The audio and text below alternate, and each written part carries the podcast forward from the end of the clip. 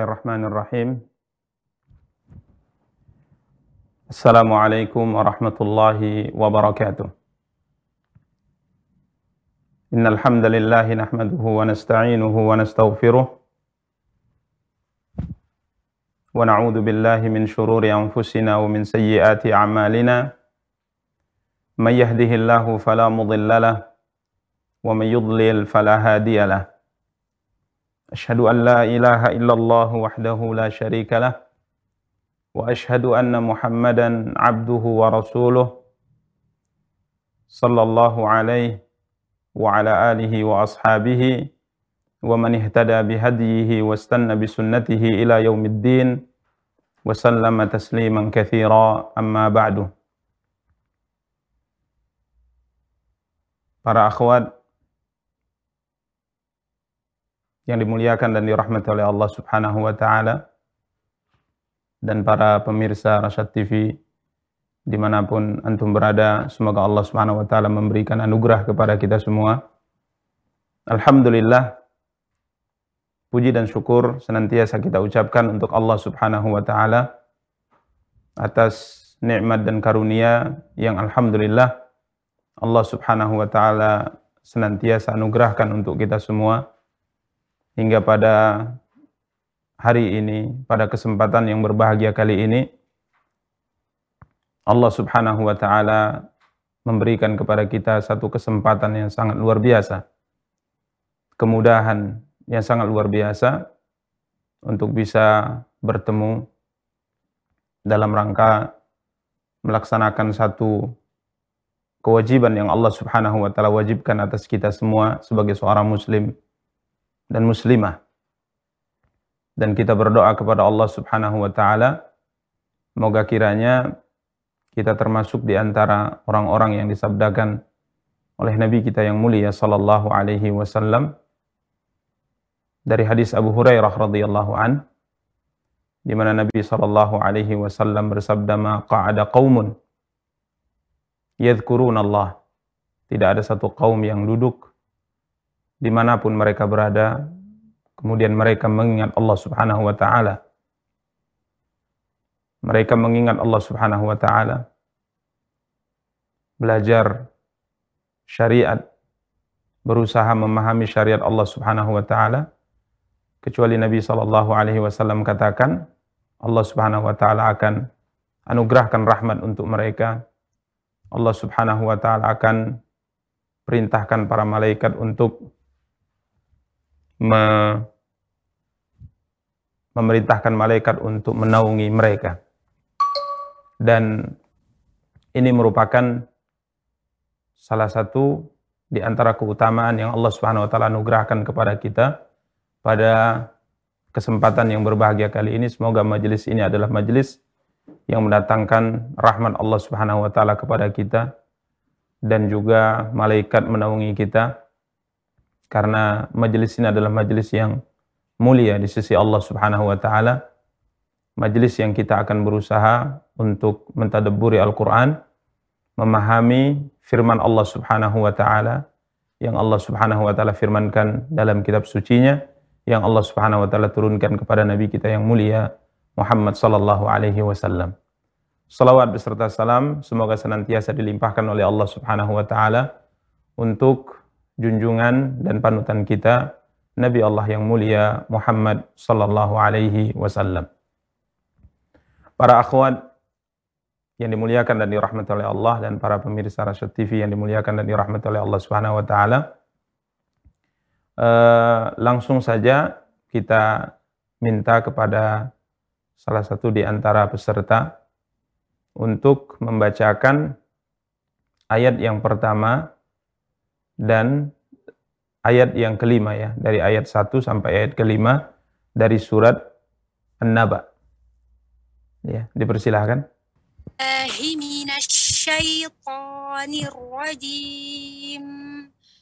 Bismillahirrahmanirrahim.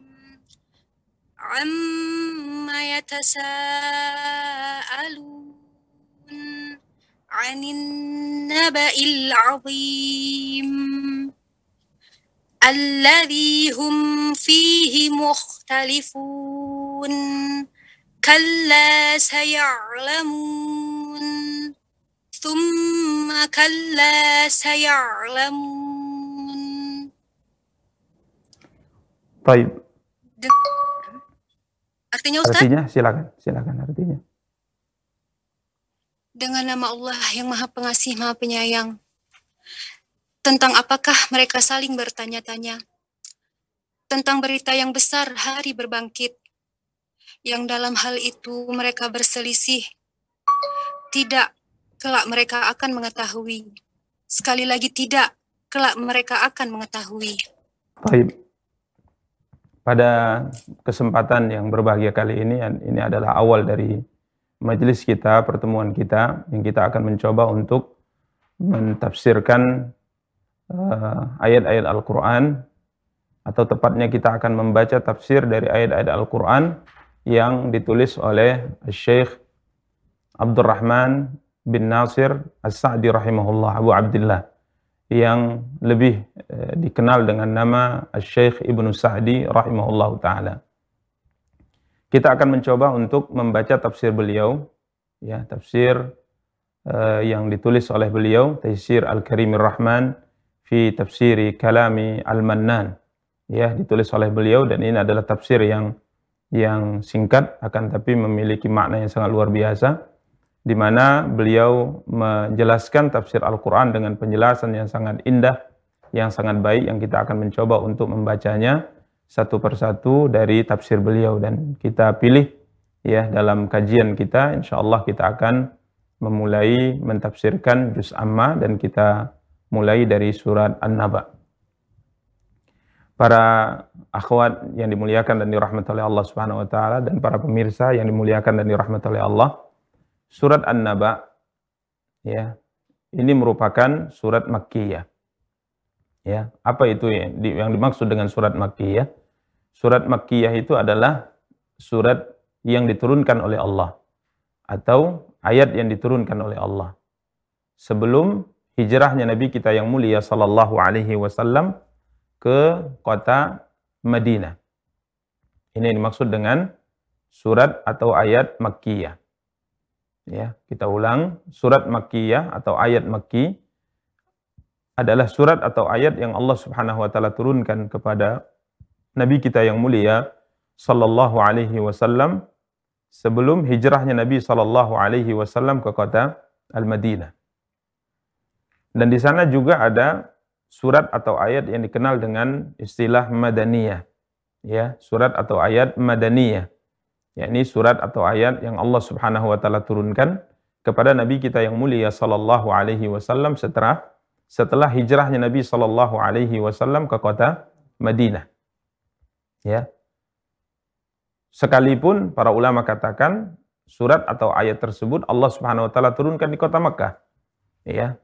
Apabila ayat tersebut Allah turunkan setelah hijrahnya Nabi, sekalipun ayat tersebut turun di kota Makkah Al-Mukarramah misalnya, tetap ia disebut dengan ayat Madaniyah. Karena turun setelah hijrahnya Nabi SAW ke kota Madinah. Ya, seperti satu ayat yang sangat masyhur dalam surat Al-Maidah, Allah Subhanahu wa taala berfirman, "Al-yauma akmaltu lakum dinakum wa atmamtu 'alaikum ni'mati wa raditu lakumul Islam madina." Ya, di mana ayat ini ya sebagaimana dikatakan oleh Umar bin Khattab radhiyallahu an diturunkan oleh Allah Subhanahu wa taala kepada Nabi sallallahu alaihi wasallam di sore hari di hari Arafah. Ya. Ya, di sore hari di, di hari Arafah. Tapi sekalipun turunnya di kota Mekah Al-Mukarramah, ya di Arafah, di padang Arafah, akan tapi tetap ayat ini disebut ya dengan sebutan ayat Madaniyah karena turunnya setelah hijrahnya Nabi sallallahu alaihi wasallam ke kota Madinah. Maka surat An-Naba ya, surat An-Naba adalah surat Makkiyah jadi semua ayat yang Allah Subhanahu wa taala turunkan dalam surat ini semuanya Allah Subhanahu wa taala turunkan di kota Makkah Al-Mukarramah atau sebelum hijrahnya Nabi sallallahu alaihi wasallam ke kota Madinah. Jumlah ayatnya ya sebagaimana yang insyaallah semua kita mengetahuinya berjumlah 40 ayat. Ya, walaupun sebagian ulama dalam karya-karya tafsir mereka ada yang berpendapat surat ini berjumlah 41 ayat. Ya, tapi perbedaan eh, angka ini 40 atau 41 tidak kemudian eh, dijelaskan ada ayat yang mungkin tidak dimasukkan tidak akan tapi mungkin ada satu ayat yang dianggap dua oleh sebagian para ulama. Akan tapi di Quran yang kita pegang, ya di Quran yang kita pegang ini eh, surat ini berjumlah 40 ayat. Allah Subhanahu wa taala memulai firman-Nya A'udzu billahi minasyaitonir rajim. Bismillahirrahmanirrahim. Amma yatasaalun. Ya, amma yatasaalun. Di mana uh, ayat ini diawali dengan pertanyaan, ya. Ayat ini diawali dengan pertanyaan. Amma yatasaalun. Yang artinya ya, firmankan oleh Allah Subhanahu wa taala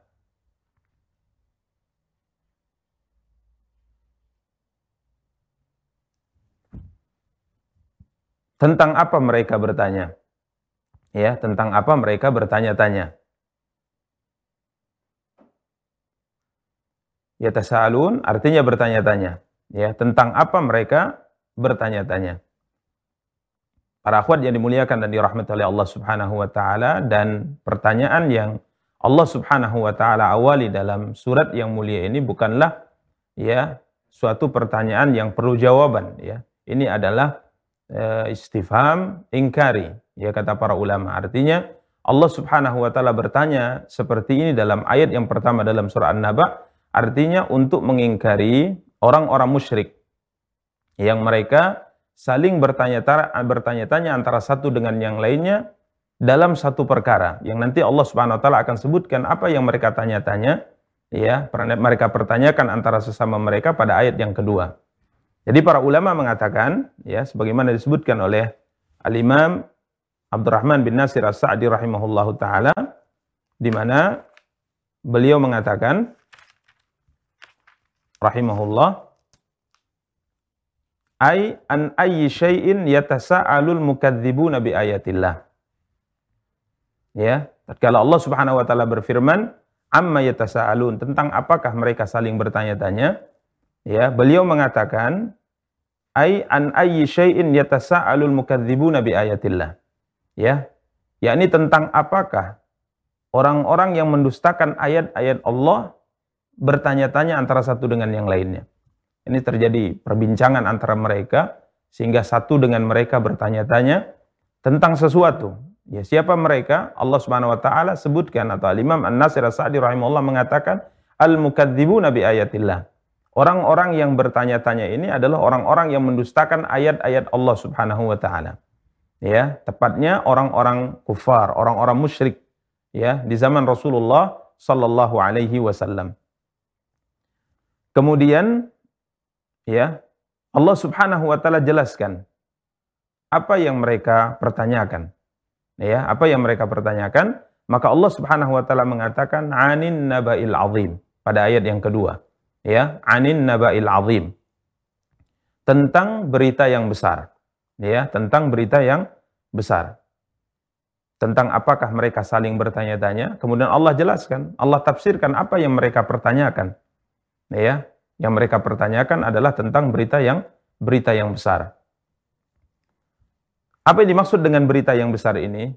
Ya. Summa bayyana ma yatasaaluna an. Kemudian Allah Subhanahu wa taala jelaskan ya tentang apa yang mereka pertanyakan. Ya, tentang apa yang mereka pertanyakan, maka Allah Subhanahu wa taala jelaskan anin nabail azim. Yang mereka pertanyakan adalah tentang berita yang berita yang besar ya ai anil khabaril azim tentang berita yang besar. Ya tentang berita yang besar. Para ulama ahli tafsir menjelaskan berita yang besar yang dimaksudkan di sini ada tiga pendapat ya. Ada tiga pendapat. Pendapat yang pertama mengatakan berita yang besar di sini maksudnya adalah Al-Qur'an itu sendiri. Ya ini pendapat yang pertama. Pendapat yang kedua ini maksud dengan berita yang besar ini adalah Muhammad sallallahu alaihi wasallam, nabi kita yang mulia sallallahu alaihi wasallam, apakah beliau memang benar-benar utusan Allah atau tidak? Kemudian yang ketiga, pendapat yang ketiga, ya berita yang besar yang mereka pertanyakan adalah tentang hari kebangkitan. Ya, di sini ada tiga pendapat yang disebutkan para ulama. Ya, dan Syekh uh, Sa'di rahimahullah tidak menyebutkan uh, pendapat-pendapat ini. Beliau hanya menyebutkan secara umum, ya, secara umum. Yang mana ketiga-tiganya sebenarnya baik Quran itu sendiri atau Nabi SAW atau hari kebangkitan ini merupakan perkara yang memang didustakan oleh mereka, yakni oleh orang-orang kafir atau orang-orang musyrik. Namun Al-Imam Ibnu Katsir rahimahullahu taala dalam tafsir beliau tatkala menyebutkan dua pendapat, ya, menyebutkan dua pendapat yakni Al-Qur'an atau hari kebangkitan, beliau mengatakan bahwa pendapat yang pertama yang beliau sebutkan yakni hari kebangkitan ini yang lebih kuat kata beliau. Ya, berarti wallahu taala alam tatkala Allah Subhanahu wa taala berfirman, "Amma yatasaalun 'anin naba'il 'azim" tentang berita yang besar maksudnya hari hari kebangkitan, maksudnya hari kiamat. Artinya orang-orang musyrik dahulu ya, mereka bertanya-tanya, apakah benar ya akan terjadi hari kiamat? Apakah benar kita akan dibangkitkan oleh Allah Subhanahu wa taala? Ya. Ini pertanyaan yang selalu mereka ajukan. Akan tapi pertanyaan ini bukanlah pertanyaan yang menunjukkan bahwa mereka ingin tahu. Ya, pertanyaan yang yang menunjukkan bahwa mereka ingin mengetahui dengan benar hakikat hari kiamat tidak. Akan tapi mereka bertanya tujuannya adalah untuk mengingkari. Ya, mereka bertanya tujuannya ingin melecehkan. Mereka bertanya tidak atas dasar uh, keingintahuan mereka hakikat hari kebangkitan. Ya maka Allah Subhanahu wa taala menyebutkan dalam beberapa uh, ayat misalnya ya Allah Subhanahu wa taala jelaskan tentang mereka ini. Ya mereka bertanya bukan kemudian mereka ingin mengimani. Ya akan tapi mereka ingin mengingkarinya. Karena memang orang-orang musyrik pada dasarnya mereka adalah orang-orang yang tidak beriman dengan adanya hari hari kebangkitan. Ya, misal kita e, contohkan dalam beberapa ayat dalam Al-Qur'an, Allah Subhanahu wa taala berfirman misalnya dalam e, surat Al-Isra ayat 49, Allah Subhanahu wa taala berfirman waqalu aidza kunna idhaman wa rufatan a inna.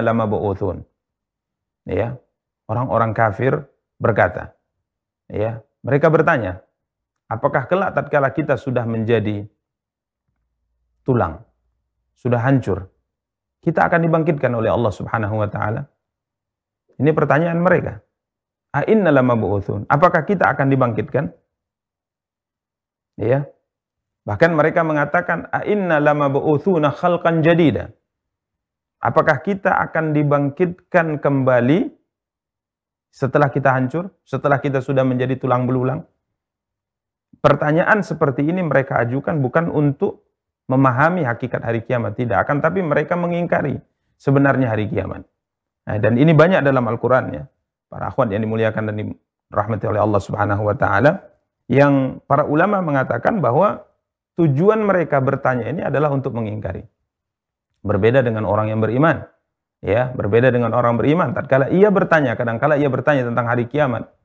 Ya, tujuannya memang ingin mengetahui hakikat hari kiamat itu ya sebagaimana dalam sebuah hadis Anas bin Malik radhiyallahu taalaan ya bercerita ada seorang Arabi datang kepada Nabi sallallahu alaihi wasallam ya datang kepada Nabi sallallahu alaihi wasallam kemudian dia berkata mata sa'ah ya ya Rasulullah kapan terjadi hari kiamat ya, ini pertanyaan memang muncul dari orang yang ingin tahu tentang hakikat hari kiamat ya bukan sebagaimana orang-orang musyrik yang Allah ceritakan yang mereka bertanya tujuannya untuk mengingkari, untuk melecehkan. Ya. Dia datang kepada Rasulullah SAW. Arabi ini datang kepada Rasulullah SAW. Kemudian mengatakan, Ya Rasulullah, mata sah, kapan terjadi hari kiamat? Maka apa yang dikatakan oleh Rasulullah SAW? Nabi SAW mengatakan, Umada adat talah. Apa yang kau siapkan untuk hari kiamat? Apa yang kau persiapkan untuk hari kiamat? Ya. Maka lelaki ini mengatakan, La syai, tidak ada ya Rasulullah illa anni uhibbullaha wa rasulah. Tidak ada yang aku siapkan, hanya saja aku mencintai Allah dan Rasulnya yang mulia sallallahu alaihi wasallam. Maka Nabi sallallahu alaihi wasallam bersabda, "Anta ma'aman ahbabta." Kelak di akhirat Allah SWT akan kumpulkan engkau bersama dengan orang-orang yang kau cintai. Maka apa kata Anas bin Malik radhiyallahu taala an, "Fama farihna bi syai'in farahana." Ya, biqaulin Nabi sallallahu alaihi wasallam, "Anta ma'a man ahbabta." Tidak ada satu hadis yang pernah kami dengar dari Rasulullah sallallahu alaihi wasallam yang sangat membuat kami bahagia dan bergembira karenanya kecuali dengan sabda Rasulullah SAW, "Anta ma'aman ahbabta." Engkau di hari kiamat nanti akan disatukan oleh Allah, dipertemukan oleh Allah Subhanahu wa taala dengan orang-orang yang kau cintai. Sehingga Anas mengatakan, aku mencintai Rasulullah, aku mencintai Abu Bakar, aku mencintai Umar.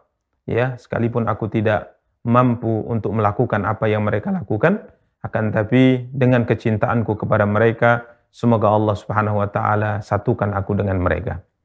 Jadi Arab Badui ini tatkala datang muslim yang datang dari pedalaman ini, tatkala datang kepada Rasulullah SAW kemudian bertanya tentang hari kiamat, pertanyaan yang memang muncul dari hati beliau keimanan dengan adanya hari kiamat. Berbeda dengan orang-orang musyrik. Ya, mereka bertanya akan tapi tujuan mereka sebenarnya untuk mengingkari hari kiamat. Artinya itu merupakan perkara yang mustahil. Bahkan Allah Subhanahu wa taala sebutkan mereka mengatakan in hadza illa asatirul awwalin. Laqad laqad wu'idna hadza nahnu wa aba'una min qabl in hadza illa asatirul awwalin. Mereka berkata sungguhnya yang seperti ini yakni adanya hari kebangkitan, setelah kematian kita akan dibangkitkan, adanya surga dan neraka, adanya perhitungan amal dan sebagainya ini disampaikan oleh Muhammad. Ini juga merupakan perkara yang dahulu telah disampaikan kepada kami dan kepada orang-orang tua kami dahulu Kemudian mereka mengatakan in hadza illa asatirul awwalin. Yang seperti ini, yang seperti ini hanya dongeng orang-orang terdahulu. Ini tidak benar kata mereka. Ya, maka Allah Subhanahu wa taala tatkala mengawali ayat yang mulia ini dengan pertanyaan amma yatasaalun, ya, buk, uh, yang yang dimaksud di sini kata para ulama adalah Allah mengingkari. Kenapa mereka bertanya-tanya tentang perkara yang pasti terjadi, yang pasti akan terjadi, pasti akan dilalui oleh oleh manusia. Kemudian Allah Subhanahu wa taala mensifati hari kebangkitan dengan Al-Azim. Ya, mensifati hari kebangkitan dengan Al-Azim yang artinya perkara besar. Karena memang para akhwat yang dimuliakan dan dirahmati oleh Allah, para pemirsa yang dimuliakan dan dirahmati oleh Allah, tidak ada hari yang paling besar kecuali hari kiamat. Ya, tidak ada hari yang paling besar kecuali hari kiamat. Maka Allah Subhanahu wa taala berfirman dalam surat Al-Hajj misalnya ayat 1 sampai 2, Allah Subhanahu wa taala berfirman, "Ya ayuhan nasu taqu rabbakum" Wahai sekalian manusia, bertakwalah kalian kepada Tuhan kalian. Bertakwalah kalian kepada Allah. Ya, inna zalzalatas sa'ati syai'un azim. Sesungguhnya goncangan hari kiamat itu merupakan perkara yang sama, yang amat besar kata Allah. Ya, yang amat besar. Kemudian coba lihat bagaimana Allah mensifati dahsyatnya hari kiamat.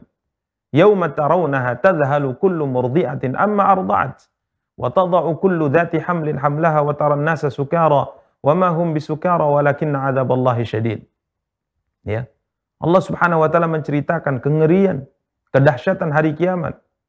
Besarnya hari kiamat dengan firman-Nya tadhalu kullu murdi'atin amma arda'at. Di hari itu kata Allah Subhanahu wa taala, seorang wanita yang sedang menyusui anaknya ya akan meninggalkan anaknya. Ya, para ulama mengatakan ada dua kemungkinan, ya. Eh, gambaran yang diceritakan oleh Allah dalam ayat yang mulia ini yang pertama yakni tatkala ditiupkan sangkakala yang pertama menandakan tegaknya hari kiamat ditiup oleh malaikat Israfil alaihi salam maka dalam kondisi ditiupkannya sangkakala yang pertama sehingga terjadi kehancuran di alam semesta ini kedahsyatan hari kiamat itu di hari itu karena hari itu masih ada manusia yang hidup ya masih ada anak-anak yang hidup masih ada keluarga yang hidup di atas muka bumi ini. Maka tatkala ditiupkan sangkakala yang pertama oleh malaikat Israfil menandakan uh, kehancuran hari kiamat, kehancuran alam semesta, maka Allah Subhanahu wa taala mengatakan hari itu seorang ibu yang menyusui anaknya, dia punya anak bayi yang ia susui, ia akan tinggalkan, ia akan lupakan anak itu. Ya, wa tadau kullu dzati hamlin hamlah. Dan di hari itu tatkala dihancurkannya alam semesta ditandai dengan tiupan sangkakala yang ditiup oleh malaikat Israfil, maka Allah Subhanahu wa taala mengatakan wa tadau kullu dzati hamlin hamlah. Dan seorang wanita yang sedang hamil di hari itu juga akan gugur ya akan menggugurkan kehamilannya. Artinya kehamilannya karena ketakutan dan kedahsyatan hari kiamat itu akan menyebabkan kehamilannya gugur ya Atau disebutkan oleh para ulama ini terjadi setelah hari kebangkitan. Artinya jika seandainya, jika seandainya di hari kebangkitan setelah tiupan sangkakala yang kedua, ya, tadi gambarannya kalau tiupan sangkakala yang pertama.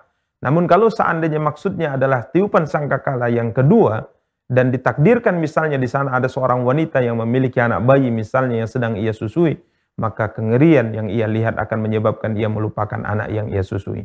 Dan kengerian yang ia lihat akan menyebabkan kehamilannya akan gugur. Bahkan Allah Subhanahu wa taala mengatakan bahwa kedahsyatan hari kiamat tatkala seorang melihatnya apabila ada anak kecil melihatnya maka ia akan bisa langsung berubah. Ya. Ia akan bisa langsung berubah. Coba camkan satu gambaran yang disabdakan oleh Nabi kita yang mulia sallallahu alaihi wasallam kengerian hari kiamat setelah kebangkitan ya Nabi Shallallahu Alaihi Wasallam berfirman kepada Adam dalam hadis yang diriwayatkan Imam Muslim dari hadis Abu Sa'id Al Khudri radhiyallahu an, Nabi Shallallahu Alaihi Wasallam bersabda dalam hadis tersebut Allah berfirman, Yaqul Yaqulullah Taala li Adam. Allah tabaraka wa taala berfirman kepada Adam, "Ya Adam, wahai Adam." Allah panggil Nabi Adam alaihi salatu wassalam. Maka Nabi Adam mengatakan labbaika wa sa'daik wal khairu kulluhu fi yadaik. Nabi Adam mengatakan, "Aku penuhi panggilanmu ya Allah." Ya, dengan kebahagiaan aku penuhi panggilanmu ya Allah dan semua kebaikan berasal dari kedua tanganmu ya Allah. Kemudian Allah subhanahu wa ta'ala berfirman, akhrid ba'than nar. Ya, keluarkanlah ba'than nar. Maka Nabi Adam alaihi salatu wasalam bertanya kepada Allah, wa ma ba'thun nar? Apa yang dimaksud dengan ba'thun nar itu ya Allah? Maka Allah subhanahu wa ta'ala berfirman, keluarkanlah ya dari anak cucumu dari setiap seribu ya dari setiap seribu tis amiatin wa tis'ina nafsan atau kama qala alaihi salatu wassalam di mana uh, Allah Subhanahu wa taala perintahkan dari setiap seribu manusia anak cucu Adam maka campakkanlah ke dalam neraka dari mereka dari setiap seribunya 999 jiwa 99 jiwa jadi dari setiap seribu Campakkanlah ke dalam neraka berapa? 999 jiwa. Luar biasa. Berarti yang selamat cuma satu. Yang selamat hanya satu. Ya, fastadda dzalika alaihim disebutkan oleh Abu Sa'id Al-Khudri radhiyallahu taala sabda yang disabdakan oleh Nabi SAW yang didengar oleh para sahabat menyebabkan hal itu sangat berat oleh mereka. Alaihim sehingga mereka mengatakan, "Ya Rasulullah, siapakah di antara kami yang satu orang itu yang akan selamat dari seribu orang? Ya, seribu orang, 999 orang Allah campakkan ke dalam api neraka, yang selamat cuma satu. Siapa di antara kita yang satu itu ya Rasulullah? Sehingga Nabi SAW katakan, jika seandainya ini ketetapan yang Allah tetapkan pada hari kiamat nanti di hari kebangkitan, maka tentunya seorang anak tatkala mendengar ketetapan Allah ini seketika akan berubah. Siapa di antara kita yang satu itu?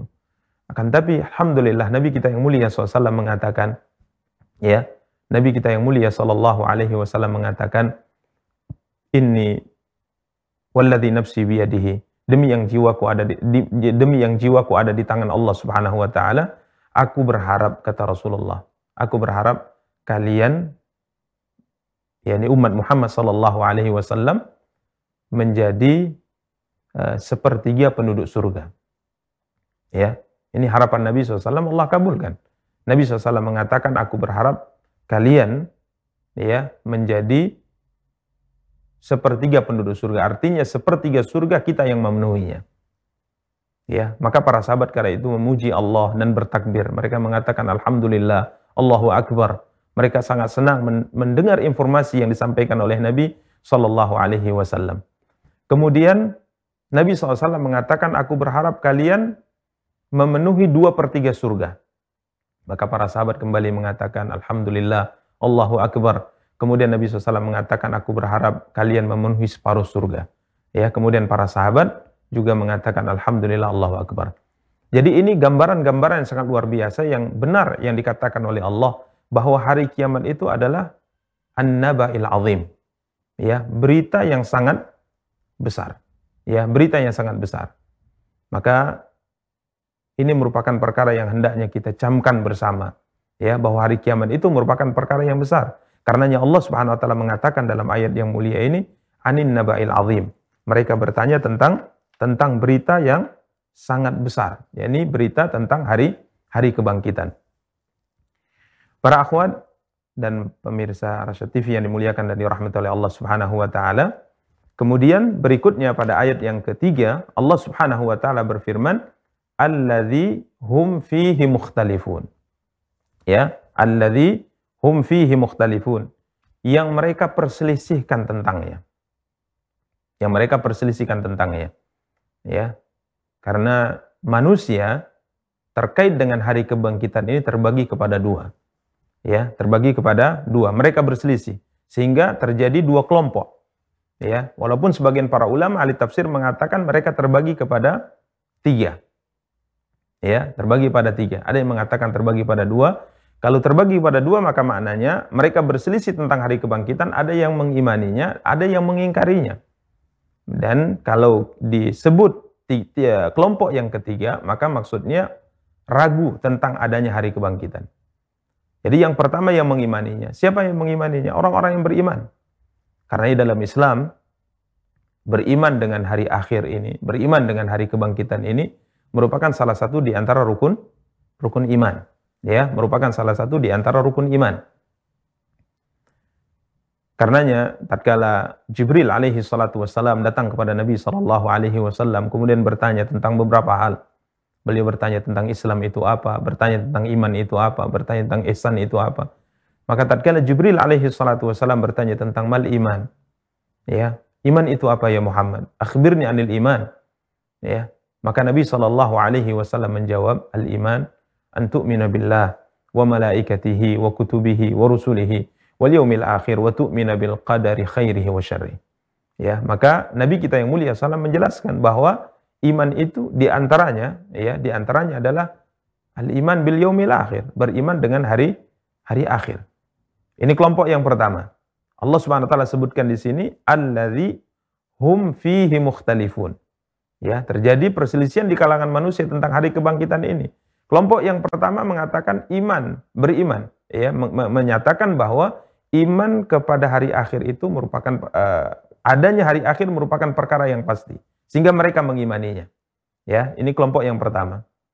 Adapun kelompok yang kedua adalah kelompok-kelompok yang mengingkari akan adanya hari kebangkitan. Ini yang kita sebutkan tadi di awal, yakni orang-orang musyrik, ya, orang-orang musyrik, orang-orang yang tidak beriman kepada Allah tidak beriman kepada Nabi dan tidak beriman kepada adanya hari kebangkitan. Ya, ini kelompok yang kedua. Dan eh, sebagian ulama mengatakan ada kelompok yang ketiga. Ya, ini kelompok yang meragukan antara beriman dengan adanya hari kebangkitan antara mengingkarinya. Jadi ragu apakah hari kebangkitan itu ada atau tidak mereka ragu. Ya, mereka ragu. Mereka meragukannya. Maka Allah Subhanahu wa taala sebutkan di sini alladzi hum fihi mukhtalifun.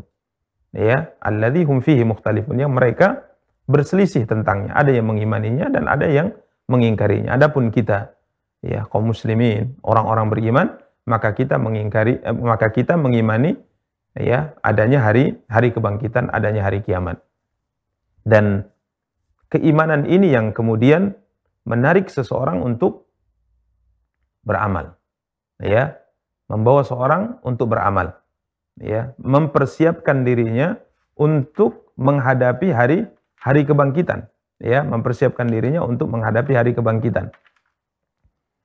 Karena Nabi SAW tatkala ditanya oleh eh, sahabat tadi kapan terjadi hari kiamat? Apa yang dikatakan oleh Nabi? Mada adat telah ya apa engkau persiapkan untuk hari hari kiamat? Apa yang sudah engkau persiapkan untuk kedatangan hari kiamat? Ya karena seorang muslim tatkala beriman dengan hari hari akhirat, beriman dengan hari kiamat, beriman dengan hari kebangkitan, maka ia pasti akan mempersiapkan diri untuk hari ini. Ya, hari kebangkitan ini. Ya. Ini yang dimaksud oleh firman Allah Subhanahu wa taala, alladzi hum fihi mukhtalifun. Ya, manusia berselisih tentang hari kebangkitan ini. Ya, ada yang mengimani, ada yang mengingkari dan ada yang meragukan. Adapun kita orang-orang beriman, maka kita mengimani akan adanya hari kebangkitan karena itulah kita beramal. Ya, tidaklah uh, salat kita kerjakan kecuali karena kita takut kelak bertemu dengan Allah SWT di hari kita dibangkitkan dan Allah Subhanahu wa taala bertanya kepada kita tentang salat yang kita kerjakan. Tidaklah kita beramal saleh apa pun bentuk amal salehnya kecuali untuk mempersiapkan diri tatkala nanti kita bertemu dengan Allah Subhanahu wa taala kita uh, bisa menjawab pertanyaan yang ditanyakan oleh Allah Subhanahu wa taala kepada kita dan kita memperbanyak amal saleh kita ya memperbanyak amal saleh kita dan berusaha untuk menjauhi segala perkara yang dilarang oleh Allah Subhanahu wa taala dengan harapan semoga ya kiranya catatan amal yang nanti akan diberikan kepada kita tatkala kita bangkit di hadapan Allah Subhanahu wa taala yang tertulis di dalamnya adalah amal-amal kebaikan. Ya, yang terus dalam yang tertulis dalamnya adalah amal-amal kebaikan.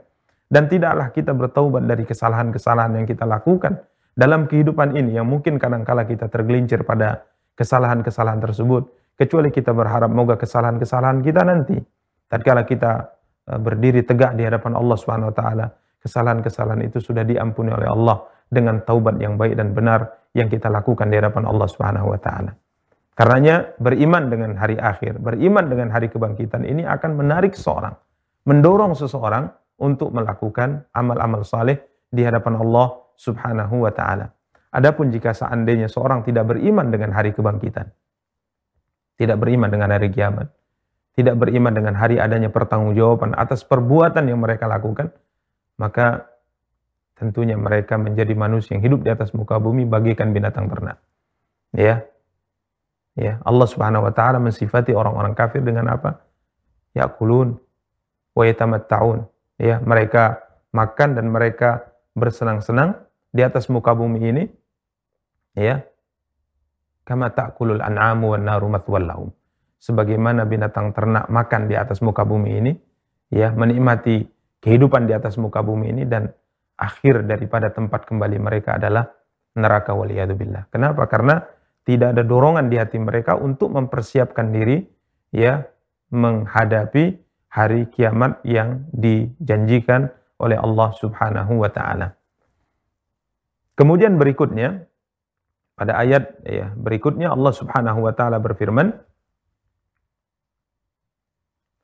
Kalla saya'lamun thumma kalla saya'lamun. Ya, kalla saya'lamun thumma kalla saya'lamun. Ini merupakan teguran keras dari Allah Subhanahu wa taala kepada mereka, yakni orang-orang yang mengingkari hari kebangkitan. Ini orang-orang musyrik yang disebutkan Allah Subhanahu wa taala tadi, sekali-kali tidak kelak mereka akan mengetahui. Summa kalla saya'lamun. Ya, kemudian sekali-kali tidak, kelak mereka akan mengetahui. Ya, dua ayat ini yang Allah firmankan pada ayat yang keempat dan kelima, ini merupakan teguran keras Allah Subhanahu wa taala kepada mereka, yakni orang-orang yang mengingkari akan adanya hari kebangkitan. Allah taala mengatakan kala sekali-kali tidak. Saya alamun. Ya, kelak mereka akan mengetahui dan pengetahuan dimaksudkan dalam ayat ini adalah hakul yakin. Ya, hakul yakin. Artinya mereka akan melihat secara langsung bagaimana dahsyatnya hari kiamat. Dan di sanalah baru mereka akan mengetahui kebenaran apa yang disampaikan oleh Rasulullah sallallahu alaihi wasallam, kebenaran akan apa yang disampaikan oleh Allah Subhanahu wa taala. Ya. Ini merupakan kebiasaan orang-orang kafir ya. Mereka tidak beriman terhadap perkara yang gaib kecuali setelah perkara yang gaib itu bisa mereka saksikan dengan mata kepala mereka sendiri. Berbeda dengan kita. Kita seorang muslim, seorang muslimah, tatkala Allah sampaikan perkara yang gaib dalam Al-Quran, perkara yang gaib dari sabda Nabi kita yang mulia SAW, maka kita mengimani. Kenapa? Karena semua yang disampaikan oleh Allah, semua yang disampaikan oleh Rasulullah itu pasti benar. Ya berbeda dengan orang kafir. Mereka tidak mengimani apa yang disampaikan oleh Allah dan Rasulnya yang mulia sallallahu alaihi wasallam setelah mereka nanti melihat siksa itu setelah mereka melihat hari kiamat itu dengan mata kepala mereka sendiri dan begini kebiasaan orang-orang kafir maka Allah Subhanahu wa taala menyebutkan bahwa mereka tidak akan beriman ya orang-orang kafir itu tidak akan beriman walau ja'athum kulla ayah kata Allah ya sekalipun didatangkan kepada mereka semua tanda-tanda kebesaran Allah Subhanahu wa taala, mereka tidak beriman. Ya, berbeda dengan kita orang yang beriman. Ya, kita mengimani semua perkara sekalipun kita tidak pernah melihatnya karena itu merupakan perkara yang sudah disampaikan oleh Allah dan disampaikan oleh Rasulullah wasallam. Ya satu faidah yang disebutkan oleh para ulama, coba perhatikan bagaimana pengikut atau umat para nabi yang hidup di masa nabi tersebut dan melihat mukjizat yang Allah Subhanahu wa taala anugerahkan kepada nabi tersebut. Coba lihat umatnya Nabi Saleh alaihi wa ala nabiyina afdalus salah wa azkas salam. Nabi Saleh. Apa kata umatnya kepada Nabi yang mulia ini? Jika seandainya engkau ya Saleh bisa memunculkan sab, uh, memunculkan unta betina ya naqah unta betina dari sebongkah batu ini mereka tunjuk batu tersebut jika seandainya engkau bisa memunculkan unta, uh, unta betina dari sebongkah batu ini, maka kami akan beriman kepadamu. Ini permintaan mereka. Namun coba lihat, tatkala Allah Subhanahu wa taala izinkan ya, Allah Subhanahu wa taala kemudian berikan mukjizat kepada Nabi Saleh alaihi wa ala nabiyina afdhalus salah wa azkas salam berikan kepada beliau mukjizat sehingga batu ini kemudian ya terbelah dan keluarlah dari sebongkah batu ini seekor uh, unta betina yang sangat besar. Ya. Dan mereka melihatnya dengan mata kepala mereka sendiri. Ya, mereka melihatnya dengan mata kepala mereka sendiri. Apakah mereka beriman? Mereka tidak beriman. Ya. Mereka bahkan semakin ingkar kepada Nabi Saleh. Ya. Alaihi salam. Bahkan mereka membunuh unta tersebut. Ya, sehingga Allah SWT timpakan siksa kepada mereka.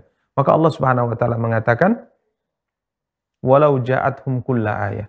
Sekalipun didatangkan kepada mereka semua tanda-tanda kebesaran Allah Subhanahu wa taala, mereka tetap tidak akan beriman sampai kapan hatta yarawul adzabal alim.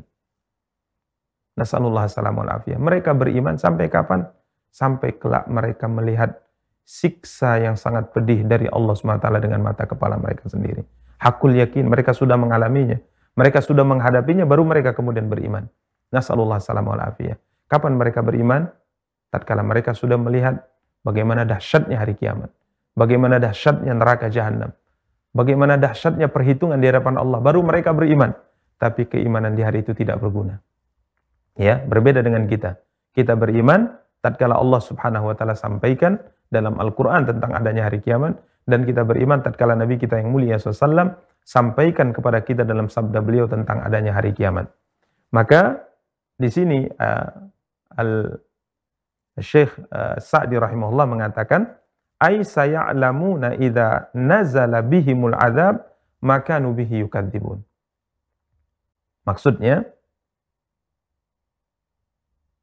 mereka akan mengetahui idza nazala bihimul adzab tatkala azab itu sudah mereka rasakan.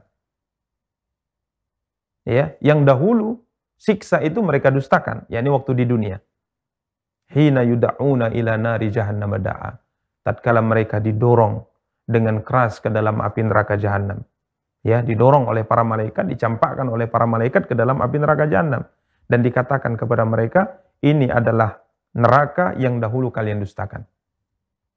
Ya jadi kapan mereka beriman ya ini tatkala mereka akan dicampakkan ke dalam api neraka Baru mereka mengakui, baru mereka beriman bahwa hari kiamat itu ada, hari kebangkitan ada, neraka ada, siksa itu ada, murka Allah SWT di hari akhirat itu ada. Baru mereka beriman. Ya. Maka Allah SWT tegaskan, kalla saya alamun, summa kalla saya alamun. Ini teguran keras yang kita sebutkan tadi. Ya, sekali-kali tidak kata Allah, kelak mereka akan mengetahuinya. Kemudian sekali-kali tidak, ditegaskan lagi oleh Allah SWT. Penegasan yang kedua, sekali-kali tidak, ya. Kelak mereka pasti akan mengetahuinya. Ya. Ini kapan? Syekh Sa'di mengatakan nanti tatkala mereka akan dicampakkan oleh Allah ke dalam api neraka. Baru mereka beriman akan adanya hari hari kebangkitan.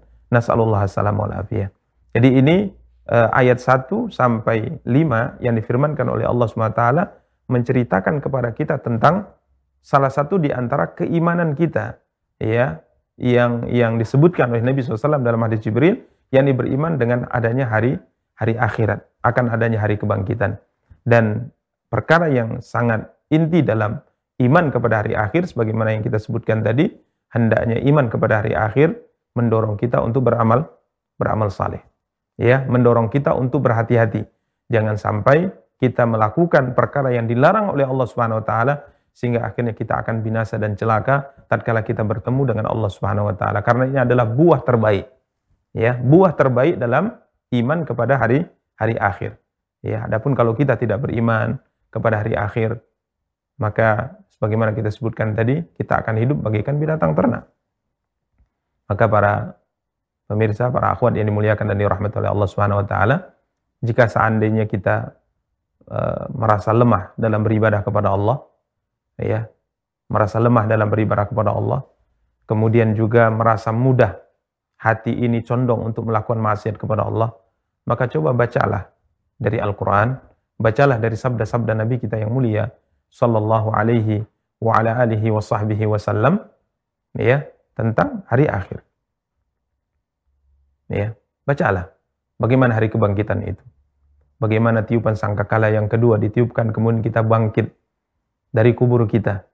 Ya, semua kita bangkit dari kubur kita. Allah SWT katakan, ya, kal farashil mabthus, ka'annahum jaradun muntashir. Ya, Allah SWT eh, ceritakan bagaimana kebangkitan kita di hari itu. Allah SWT mengatakan uh, kal farashil mabthus, ya, bagaikan aneh-aneh yang bertaburan, berterbangan. Kemudian Allah SWT katakan jaradun muntashir dalam ayat yang lain Allah SWT mengatakan bagaikan uh, belalang yang uh, menyebar yang tidak tidak satu arah. Ya, kita semua kebingungan. Kemudian coba baca juga apa yang difirmankan oleh Allah, disabdakan oleh Nabi SAW. Bagaimana setelah kita bangkit, kita akan digiring ke padang mahsyar untuk mempertanggungjawabkan amal kita masing-masing. Ya, kita akan dikumpulkan di, di mahsyar ya kemudian Allah Subhanahu wa taala datang dan akan memeriksa kita satu persatu. Ya, kemudian catatan amal kita dibagi, ada di antara kita yang menerimanya dengan uh, tangan kanannya dari sebelah kanannya atau mungkin dengan tangan kirinya dari sebelah kirinya atau dari belakang punggungnya dia terimanya sebagai bentuk penghinaan. Kemudian di situ kita akan melihat semua catatan amal kita dari semenjak kita balik ya, dari semenjak kita balik sampai kita wafat. Di situ semua tercatat. Amal-amal soleh kita, amal-amal buruk kita, semua tercatat. Mungkin amal yang kita sudah lupa. Ya, kita sudah lupa akan tapi Allah tidak lupa. Semua dicatat oleh Allah SWT di sana. Itu yang akan dibagikan oleh Allah SWT kepada kita dan Allah akan memeriksa kita. Dan lebih hal yang sangat mengerikan lagi, ya, di hadapan kita ada neraka. Setiap kali ada orang yang kalah dalam perhitungan, maka Allah Subhanahu wa taala perintahkan malaikat untuk mencampakkan dia ke dalam api neraka.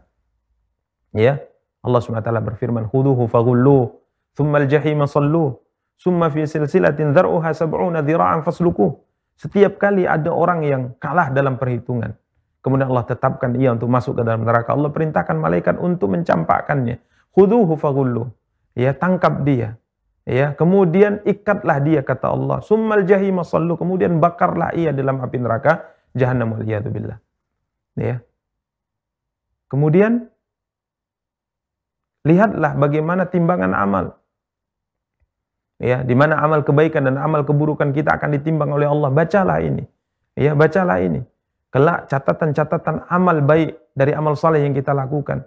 Kemudian catatan-catatan amal buruk lembaran-lembaran buruk yang di dalamnya tercatat kejahatan-kejahatan yang kita lakukan juga akan diletakkan dalam satu daun timbangan. Bagaimana perasaan yang kita akan rasakan tatkala kita melihat lembaran keburukan kita kiranya lebih banyak daripada lembaran-lembaran kebaikan kita Bacalah ini.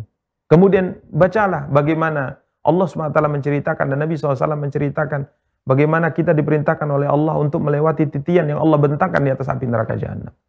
Sangat gelap, ya, sangat licin, sangat tajam, dan di kanan kiri ada pengait, sedangkan bawah bawahnya adalah neraka jahanam. Bacalah ini.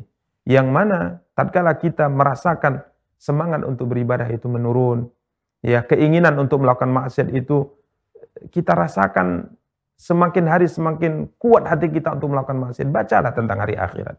Bacalah tentang hari kiamat. Pasti Seorang muslim, seorang muslimah, seorang yang beriman akan uh, kemudian mampu me meningkatkan ya kualitas dan kuantitas ibadah dia kepada Allah SWT dan bisa menurunkan keinginan dia untuk melakukan maksiat kepada Allah karena hari kebangkitan ini pasti ada. Ini merupakan buah terbaik ya, buah terbaik beriman kepada hari hari akhirat. Jadi ayat yang pertama sampai ayat yang kelima ya dari surat An-Naba ini Allah Subhanahu wa taala berbicara tentang kepastian adanya hari kebangkitan yang disifati oleh Allah dengan an-naba'il azim. Ya, berita yang sangat yang sangat besar yang orang-orang kafir, orang-orang musyrik mengingkarinya. Demikian para akhwat, eh, para pemirsa yang dimuliakan dan dirahmati oleh Allah Subhanahu wa taala. Kemudian eh, silahkan dibaca kembali ayat yang ke-6. Akan tapi ayat yang ke-6 ini mungkin sampai ayat ke-16 ya. 6 sampai 16. Coba dibaca arti dengan terjemahannya. Uh, insya Allah tafsir secara lengkapnya, penjelasan Syekh Sa'di secara lengkapnya insya Allah akan kita jelaskan pada pertemuan akan datang. Kan tapi kita akan sedikit uh, gambarkan bahwa ayat ke-6 sampai 16 ini berbicara tentang perkara yang mengajak orang-orang untuk meyakini akan adanya hari kebangkitan. Artinya hari kebangkitan itu merupakan hari yang tidak sulit bagi Allah untuk melakukannya. Kenapa? Karena Allah telah melakukan di alam semesta ini yang bisa kita lihat dan kita saksikan sesuatu yang menunjukkan akan kuasa Allah Subhanahu wa taala. Ya, coba silahkan dibaca kembali ayat ke-6 sampai ke-16. Baik Ustaz. A'udzu billahi rajim. Mihada wal jibala khalaqnakum azwaja وجعلنا نومكم سباتا وجعلنا الليل لباسا وجعلنا النهار معاشا وبنينا فوقكم سبعا شدادا وجعلنا سراجا وهاجا وأنزلنا من المعصرات ماء فتحا زجاجا لنخرج به حبا ونباتا وجنات ألفافا.